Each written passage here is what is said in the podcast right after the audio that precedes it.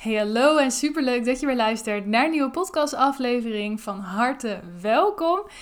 Ik heb er weer heel erg zin in vandaag, want ik dacht gisteravond zat ik over dit onderwerp na te denken. En toen dacht ik, ja, hier ga ik een podcast over opnemen, omdat ik ook nog een keer de bevestiging in mijn DM kreeg van iemand die het zelf had meegemaakt.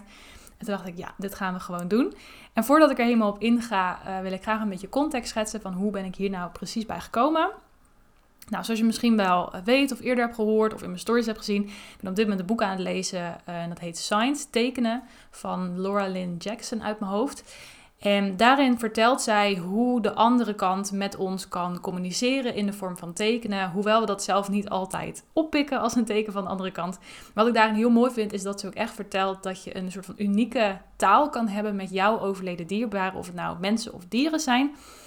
En dat dat dus ook in allerlei soorten en maten uh, kan gebeuren. Zo was er iemand in het verhaal die heeft heel, heel erg wat met giraffen, zeg maar. Dat is dus ook hun teken geworden. Kijk, we zijn vaak al bekend met het veertje, de vlinder, de regenboog. Dat zijn hele bekende, hele universele tekens eigenlijk. En die worden ook heel veel gebruikt. Maar zo kan je dus ook een hele persoonlijke taal hebben in de vorm van iets wat echt tussen jullie is. Dus zo was er iemand inderdaad met giraffen, iemand anders met Elvis Presley. Um, allemaal van dat soort dingen. Dat vond ik zelf heel erg mooi, heel erg openbarend. En terwijl ik verder aan het lezen was, kwam er op een gegeven moment een stuk voorbij hoe de andere kant, dus onze overleden dierbaren, ook heel sterk kunnen doorkomen op het moment dat wij geneigd zijn een verkeerde keuze te maken.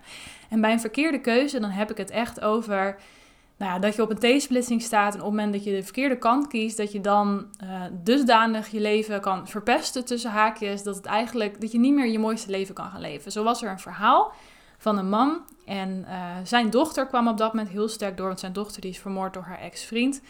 En die man voelde heel veel woede, heel veel haat richting die ex-vriend van, uh, van zijn dochter.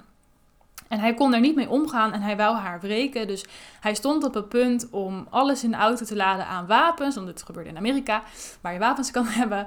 En uh, hij stond op het punt om alles in de auto te gooien, de auto in te stappen en die ex-vriend ook te vermoorden uit wraakactie voor zijn dochter. En terwijl hij daarmee bezig was, vertelde die, die medium, Laura die vertelde van dat ze al de hele tijd die dochter bij hem was, tekenen probeerde te sturen van doe het niet, doe het niet, doe het niet. Dit is niet hoe het moet. Dit is niet wat jij moet doen. Je moet dit voor mij niet doen. Het ding is namelijk, aan de andere kant kennen ze alleen maar onvoorwaardelijke liefde. Aan de andere kant zijn ze ook super betrokken bij ons leven, bij wat wij doen, bij hoe wij ons mooiste leven creëren. En daar willen ze ons ook heel graag mee helpen. Dus op het moment dat wij op een T-splitsing staan en iets gaan doen wat eigenlijk onomkeerbaar is, zoals dat die man wou doen door die ex-vriend ook te vermoorden, dan kunnen ze heel sterk en heel krachtig doorkomen. Het mooie daarin is ook is dat we ook altijd zelf de keuze daarin houden. Want de andere kant kan ons nooit verplichten iets te doen. Ze kunnen ons wel zoveel mogelijk signs sturen van ga die kant op, ga die kant op, volg je gevoel, doe het, doe het, doe het. Maar uiteindelijk is het voor jou uiteindelijk nog de keuze of je het doet of niet. Net zoals die man in dit verhaal. Nou, hij heeft alle tekenen eigenlijk genegeerd en op dat moment zat hij in de auto. En nou weet ik niet of ik het helemaal goed vertel, maar dat was het moment dat die dochter echt heel sterk doorkwam en letterlijk in zijn hoofd riep: Doe het niet. En toen pas realiseerde hij zich dat het zijn dochter was en toen besloot hij uiteindelijk op het niet te doen en om een andere kant op te gaan. Nou, en dat vond ik een heel mooi voorbeeld hoe de andere kant ons kan helpen ons mooiste leven te creëren en ook keuzes te maken die goed voor ons zijn. en dan heb ik het dus ook echt, zoals ik zeg, over de keuzes die bijdragen aan jouw mooiste leven. Kijk, op het moment dat jij moet kiezen tussen een, uh, een, shirtje in kleur groen of een shirtje in kleur blauw, ja, weet je, dat boeit allemaal niet. Dat staat allemaal los van het grote geheel. En dan krijg je echt niet zomaar ineens iemand over je schouder die zegt, oeh, ga voor blauw. Daar heb ik het niet over. Het gaat echt over de keuzes die levensbepalend zijn, die heel belangrijk is voor het pad dat jij aan het bewandelen bent. Nou, we kennen allemaal wel een soort van die, die, die T-splitsing momenten waar we opstaan. En vaak gevoelsmatig weet je wel ongeveer welk kant je op wil.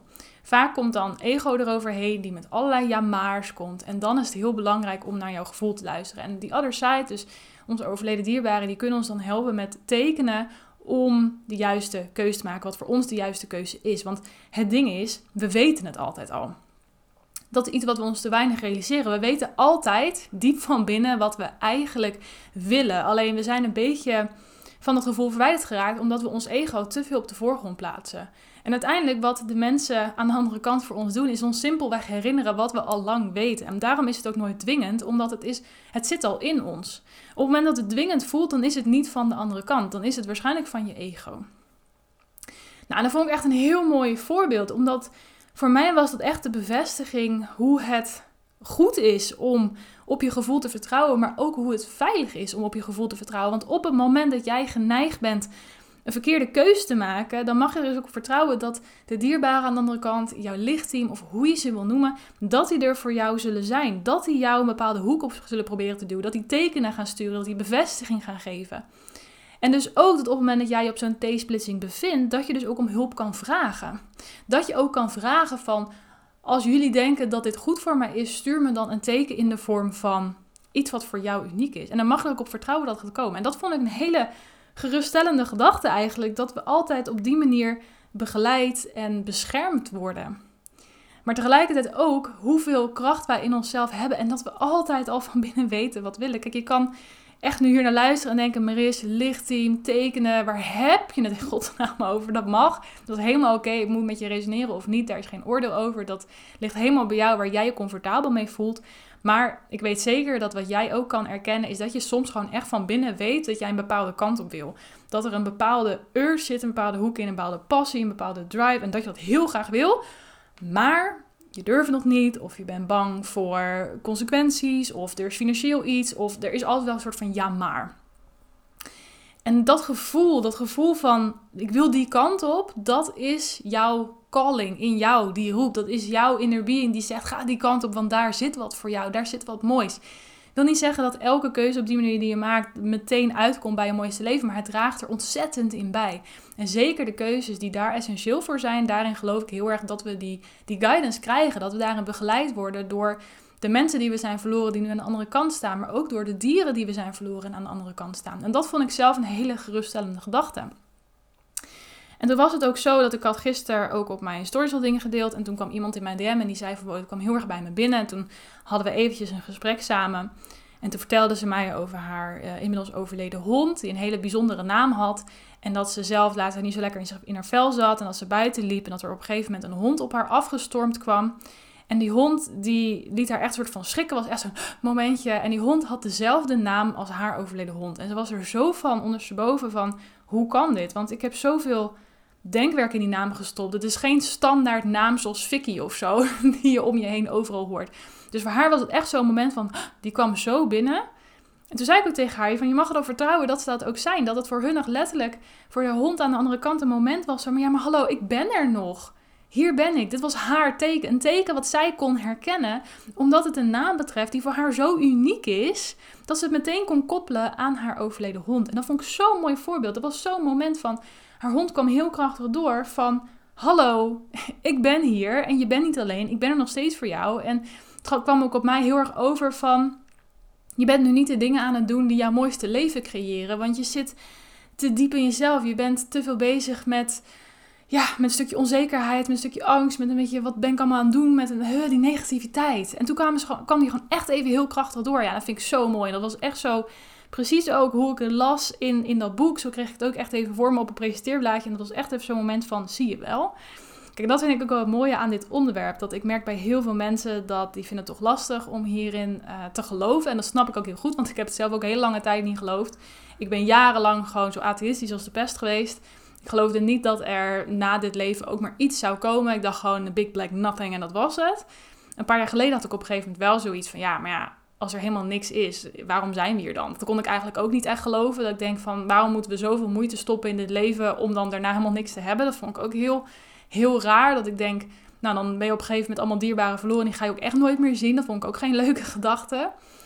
En toen op een gegeven moment maakte ik zelf ook wat dingen mee. Dat ik dacht, ja, ik kan gewoon niet ontkennen dat er, dat er meer is na dit leven. Dit is gewoon, dat moet gewoon. Er is meer tussen hemel en aarde. Maar voor mezelf geloofde ik ook nooit in een, in een God of een Jezus. Of tenminste niet in dat één persoon verantwoordelijk zou zijn voor het, de totale wereld en wat we hier allemaal zijn. Daar geloofde ik niet in. En het was toen ik het boek van Anita Mojani las over Dying to be Me, waarin zij haar bijna doodervaring beschreef. En dat zij zei van God is niet een man of een persoon of een ding, het is een staat van zijn. En dat vond ik een hele mooie. En toen dacht ik echt, ja, maar dat kan ik geloven. Want God wordt natuurlijk heel erg omschreven als hè, alwetend, liefdevol, betrokken, alles. En zij, en zij concludeerde eigenlijk van het is een staat van zijn. Dus wanneer wij overgaan of wanneer onze dieren overgaan, dan komen ze in die totale bewustzijn, dan komen ze in die onvoorwaardelijke liefde. En die, toen ik die las, toen dacht ik, ja, dat, hier kan ik me heel erg in, in vinden. Dit resoneerde heel erg met mij en daar ben ik me verder in gaan verdiepen. Zo kwam toevallig dit boek van Science kwam op mijn, uh, op mijn pad en die bevestigde dat ook weer hoe ze aan de andere kant nog steeds heel erg betrokken zijn met ons leven. En dat vond ik zelf heel erg mooi. Ook gewoon als bevestiging van hè, je kan keuzes maken op basis van gevoel. Want op het moment dat je echt op een punt staat iets heel cruciaals te doen, wat niet de bedoeling is en wat niet gaat bijdragen aan jouw mooiste leven, dan kan je erop vertrouwen dat ze doorkomen om jou te beschermen. En op het moment dat je denkt, ja, maar ik voel ze eigenlijk niet, dan kan je er ook vanuit gaan dat ze een beetje op de achtergrond staan van, nou, die redt zich op dit moment wel, het gaat goed, laat maar lekker haar ding doen. En dat vond ik zelf een hele geruststellende gedachte. En die wou ik daarom ook heel graag in deze podcastaflevering delen. Omdat ik denk ook dat uiteindelijk komt het hier ook allemaal op neer. Maak jij een keuze op basis van liefde en positiviteit? Of maak jij een keuze op basis van angst en negativiteit? Het zijn twee hele verschillende stromen. En uiteindelijk geloof ik erin dat wij op deze aarde zijn gekomen om ons mooiste leven te creëren. Om zoveel mogelijk in te tunen op die positiviteit, op die liefde, op dat licht, op dat fijne gevoel. Want waarom zouden we hier zijn om het zwaar te hebben? Waarom zouden we hier zijn om alles in twijfel te trekken over wie we zijn? Om te twijfelen aan onszelf, om ons neer te halen, om, om boos te zijn, om wraak te willen nemen. Waarom zou dat de bedoeling zijn? Ik kan dat niet geloven en daarom geloof ik er erg in dat het ons doel hier op aarde is om voor dat pad van licht en van liefde, van liefde te kiezen. En ik vond het een heel mooie openbaring om uh, ja, te realiseren dat de mensen aan de andere kant, de dieren aan de andere kant, dat die er ook bij betrokken zijn. Want uiteindelijk zijn ze ook nog steeds betrokken bij ons leven. Dat kreeg ik ook terug in de readings die ik tot nu toe heb gedaan. Dat zeker de overleden dieren, dat die ook heel sterk zeiden zo van, ja maar hallo, ik ben er toch nog gewoon. En dat vond ik zoiets moois. En ik merk dat zelf met Appie natuurlijk ook. Appie is ook nog steeds heel sterk aanwezig. En soms is hij even wat meer op de achtergrond. En dan is voor mij ook altijd een bevestiging van... Oké, dan ben ik op dit moment op het goede pad. Want op het moment dat ik dat niet meer zou zijn... dan mag ik erop vertrouwen dat hij of mijn licht in dat dat doorkomt. En dat vond ik een hele mooie. En die wil ik heel graag delen in deze podcastaflevering... samen met deze voorbeelden. En nogmaals, kijk, het hoeft niet met je te resoneren. Dingen zoals een lichtteam of, of gidsen of guidance of een god... of nou ja, wat, wat het voor jou is. Dat is helemaal oké.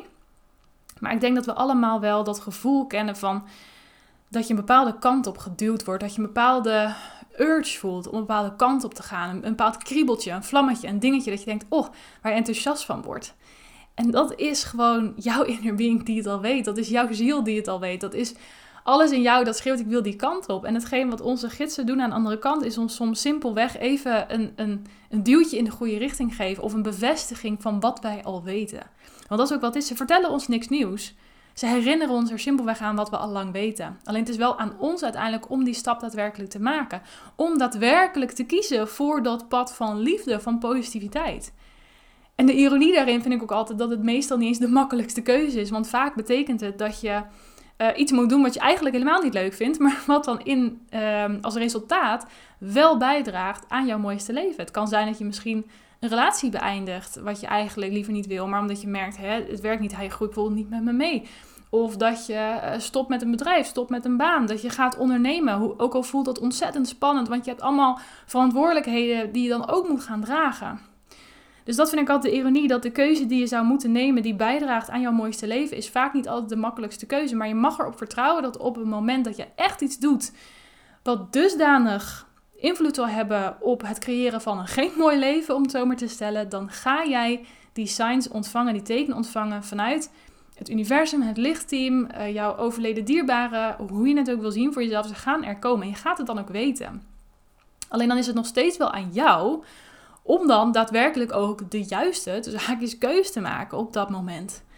En dat was iets wat ik gewoon heel graag even in deze podcastaflevering wou meegeven. Omdat ik denk dat dit nog te veel onderschat wordt. En ik merk ook wel dat door het zo te vertellen, het kan misschien ook een beetje wollig zijn in die zin. En zo bedoel ik het op zich helemaal niet. Maar ik geloof erin dat wanneer wij zelf ons oversteek maken, dat we zijn niet weg. Dat is echt iets wat ik in de loop der jaren voor mezelf heb geshift. Dat ik geloof er gewoon niet in dat wanneer wij overlijden, dat dat, dat het dan is dat geloof ik niet. Ik geloof in dat we nog steeds betrokken zijn bij de mensen hier op aarde. Dat we nog steeds aanwezig zijn. Er zijn zoveel verhalen over.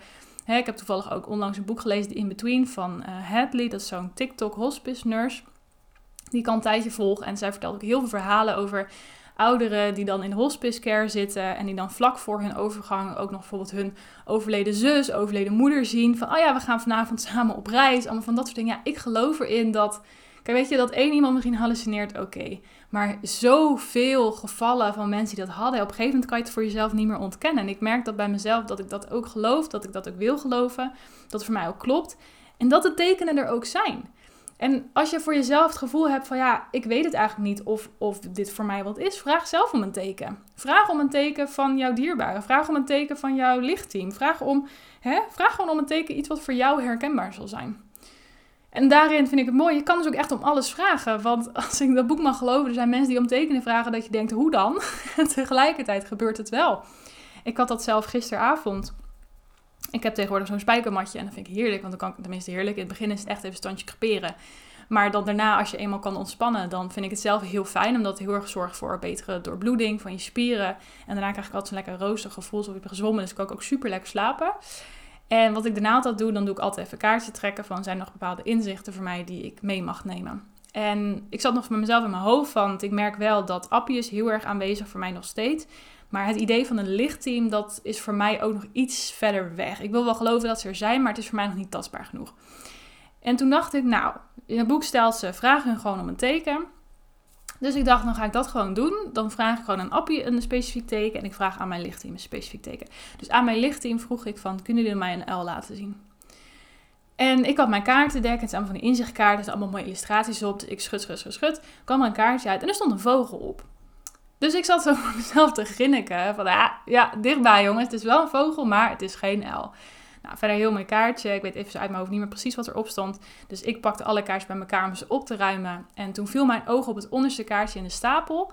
En ik draaide hem om en ik keek en het was een L. Dat ik denk, nou, ik moest er wel een beetje om beginnen, moet ik zeggen. Dat ik ah joh, lekker grappig dit. Maar het zijn dat soort momenten. Je denkt, hoe kan het vanuit zo'n groot kaartendek dat dan precies dat kaartje dan wel de L is? Ja, ik vind dat zelf heel bijzonder. En je kan het wegscharen onder toeval, dat is helemaal oké. maar ik heb dit zelf inmiddels zo vaak meegemaakt dat ik denk, Eén keer kan toeval zijn, twee keer, mm, drie keer nee. Dan, is het gewoon, dan moet het gewoon zo zijn en dan moet je het ook gaan leren geloven en erop vertrouwen. En dat vind ik zelf heel mooi. Dus ook voor jezelf, als je merkt dat je hier sceptisch over bent of dat je voelt, ja, ik weet het eigenlijk niet zo. Stel je er gewoon voor open en kijk wat er gebeurt. Ik denk dat dat het beste is wat je kan doen. Stel je er gewoon voor open. En zie, zie echt. Niet alleen maar kijken, maar zie wat er gebeurt. Vraag om een teken die jij kan herkennen.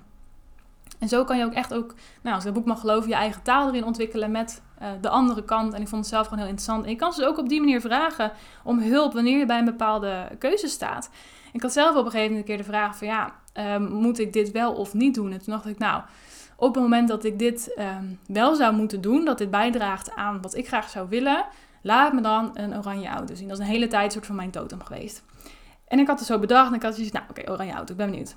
En ik was op dat moment lekker aan het wandelen en ik wou op dat moment oversteken. Dus ik kijk over mijn schouder of de kust veilig was, of dat er niet een auto aan zou komen rijden. En precies op het moment dat ik over mijn schouder kijk, kijk ik vol in de koplampen van de knaloranje auto. Dat ik denk, je verzint het toch niet? Maar het gebeurde toch. en dat vind ik gewoon hele mooie momenten. Dus dit wou ik heel graag uh, met jou delen in deze podcastaflevering. Ik realiseer me dat het misschien ietsjes vager, ietsjes wolliger, ietsjes spiritueler, ietsjes meer woeha kan zijn. Maar ik wil je ook heel graag meegeven dat het hoeft helemaal niet zo te zijn. Het is eigenlijk gewoon de normaalste zaak van de wereld. Want het onderbuikgevoel kennen we allemaal al. Waarom is dat dan niet spannend en, en apart en, en wollig? Maar alles wat ik hier vertel, zeg maar wel. En dat zijn ook de vraagstukken die steeds wat meer in mezelf leven. En de dingen waar ik zelf ook mee bezig ben. Maar toen ik deze realisatie had van hoe ze ook nog steeds betrokken zijn bij ons leven. Hoe ze ook nog steeds meedenken, ons proberen te nudgen in een bepaalde richting op het moment dat wij een keuze dreigen te maken die niet in onze best interest is, dat wou ik gewoon heel graag met je delen. Omdat ik ook wel merk dat op het stukje ondernemen op gevoel zit heel veel angst rondom, ja, maar wat nou als? En juist omdat, hè, zoals ik al zei, dat stukje ondernemen op gevoel is ook, betekent niet dat het maken van de keuze gebaseerd op liefde ook altijd de makkelijkste is. Het zijn vaak de keuzes die juist uit onze comfortzone zijn. En ik hoop dat door dit te delen dat je wat meer vertrouwen erin mag vinden. Zodat je makkelijker kan gaan leren vertrouwen op je gevoel, op je onderbuik, op je intuïtie, op nou, hoe je het voor jezelf wil noemen. Omdat daarin zit echt jouw goud. Daarin zit het pad naar jouw mooiste leven. Wat dat ook voor jou mag zijn, wat dat ook voor jou betekent. En ik hoop dat dit verhaal je inspireert om daar meer op te gaan vertrouwen, om je meer gedragen te voelen, om je minder alleen te voelen. En ja, ik wou dit gewoon heel graag met je delen. En als je voor jezelf voelt, ik ben er een beetje sceptisch over, vraag voor jezelf gewoon om een teken. Vaak komen ze al heel snel, net zoals met mijn L. Ik had het net op een matje bedacht en binnen vijf minuten was hij daar. natuurlijk mag je het als, als toeval. En dan zeg je, nou, en als je denkt het is toeval, dan zeg je gewoon, oké, top, dit was één, ik wil er graag nog één. Nou, dan kijken wanneer er nog eentje komt. Ga er gewoon voor jezelf mee experimenteren. En zeker op het moment dat je voor jezelf voelt, ik sta op een soort van T-splitting en ik weet niet welke kant ik op mag gaan of wat juist voor mij is. Vraag dan om hulp.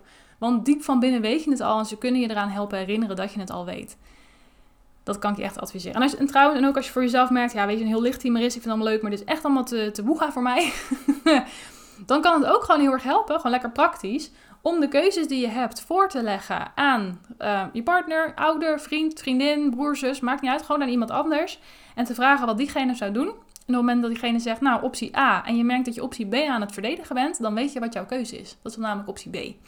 En op het moment dat je voelt, hey, iemand zegt optie B, je denkt, ja, je hebt eigenlijk gelijk. Eh, eindelijk voelt het alsof je een soort van bevestiging krijgt, dan weet je ook wat je te doen staat. Ook zoiets kan al heel simpel helpen. Dus weet je, probeer ook, wat ik nu ook zeg, neem het ook niet allemaal te zweverig. Het is gewoon, uiteindelijk is je lichtteam ook niet meer dan dat. Zo zie ik het ook. Net zoals dat je het aan een partner kan vragen, kan je het aan een lichtteam vragen en ze denken even goed met je mee. Alleen is op een andere manier dan we gewend zijn. Wij zijn gewend om gewoon zo met elkaar te praten, net zoals dat je nu mijn stem hoort. En met een lichtteam werkt dat gewoon net even anders. Maar uiteindelijk, hoe het gaat, is hetzelfde. En op het moment dat je het ook een beetje op die manier kan gaan zien, dan wordt het ook even iets minder zweverig, dan wordt het ook even wat tastbaarder. Maar ik denk dat het belangrijkste is dat je het gaat ervaren. Dus stel jezelf ervoor open als dit iets is wat je trekt. Ik merk bij mezelf in ieder geval dat dat het wel heel erg doet. En net zoals met alles rondom dit topic, weet je, ik vind het belangrijk om in heel veel dingen te verdiepen en dan uiteindelijk zelf een conclusie te trekken. Weet je, iedereen moet daarin ook zelf ervaren wat, wat werkt, wat fijn voelt, wat resoneert, wat klopt. En wat voor mij resoneert, hoeft niet voor jou te doen en andersom. En dat is helemaal oké. Ik denk dat iedereen hier een eigen pad te bewandelen heeft. Maar dat uiteindelijk in de basis neerkomt op of jij keuzes maakt op basis van liefde of op basis van angst. En uiteindelijk gaat het erom dat je hem maakt op basis van liefde, op basis van vertrouwen, van positiviteit, van, van alleen maar goede gevoelens. Want dat gaat bijdragen aan jouw mooiste leven, omdat jouw mooiste leven is op de plek van licht en liefde. Dat is wat het is. Dus als je natuurlijk keuzes maakt die ook daarmee resoneren, dan ga je langzaam maar zeker die kant op. En dat is hoe het werkt. Dus ik hoop dat je hiermee meer erop kan, vertrouwen, kan gaan vertrouwen dat je meer die zekerheid vindt en dat je ook mag gaan voelen en geloven van je, bent nooit alleen daarin. Je wordt altijd gesteund door je overleden dierbaren, door overleden dieren, door mensen om je heen, door jouw lichtteam, door iedereen. Je bent niet alleen. Dus ik hoop dat je die mag voelen en dat je het ook voor jezelf mag gaan ervaren. Dat vooral. Goed. Oh, Oké, nou, deze wou ik heel graag uh, vandaag met je delen. Ik ben heel benieuwd wat je van deze aflevering uh, vindt, vond. Um, ik merk in die zin wel bij mezelf dat ik denk, oeh, ga ik niet iets te veel richting het, het ja, zweverige stukje. Ik merk dat er bij mezelf ook nog heel veel overtuigingen zitten die ik aan mag kijken en mag tackelen. Want ja, technisch gezien geloof ik er niet in dat dit zweverig wat is. Het is gewoon nieuw, dat is eigenlijk wat het is. Maar ik ben wel heel benieuwd hoe je dit vond. Dus mocht je met me geluisterd en wil je me dit laten weten, dan uh, heel graag. Dan zou ik heel graag van je een berichtje ontvangen. Bijvoorbeeld op Instagram. Ik kan me gewoon gerust een DM'tje sturen. Mijn Instagram is uh, mariska.moerman. Dus mocht je dat willen doen, dan heel graag. En um, ja, weet je, ik hoop gewoon dat het echt wat voor je mag doen. En mocht je ook uh, tekenen voor jezelf ontvangen of bepaalde mooie situaties hebben meegemaakt, dan uh, laat hem ook gewoon gerust weten. Dat vind ik alleen maar heel erg mooi. Voor mij is het altijd des te meer de bevestiging hoeveel moois er hier op aarde is. Wat er ook allemaal mogelijk is op het moment dat je ervoor openstelt. Dus ik hoop dat je die mag voelen en ik hoop dat je het ook mag gaan ervaren. Goed. Dankjewel voor jouw tijd. Dankjewel dat je hier bent. Super fijn dat je hier naar hebt geluisterd. En ik hoop je ook weer te spreken in de volgende podcastaflevering.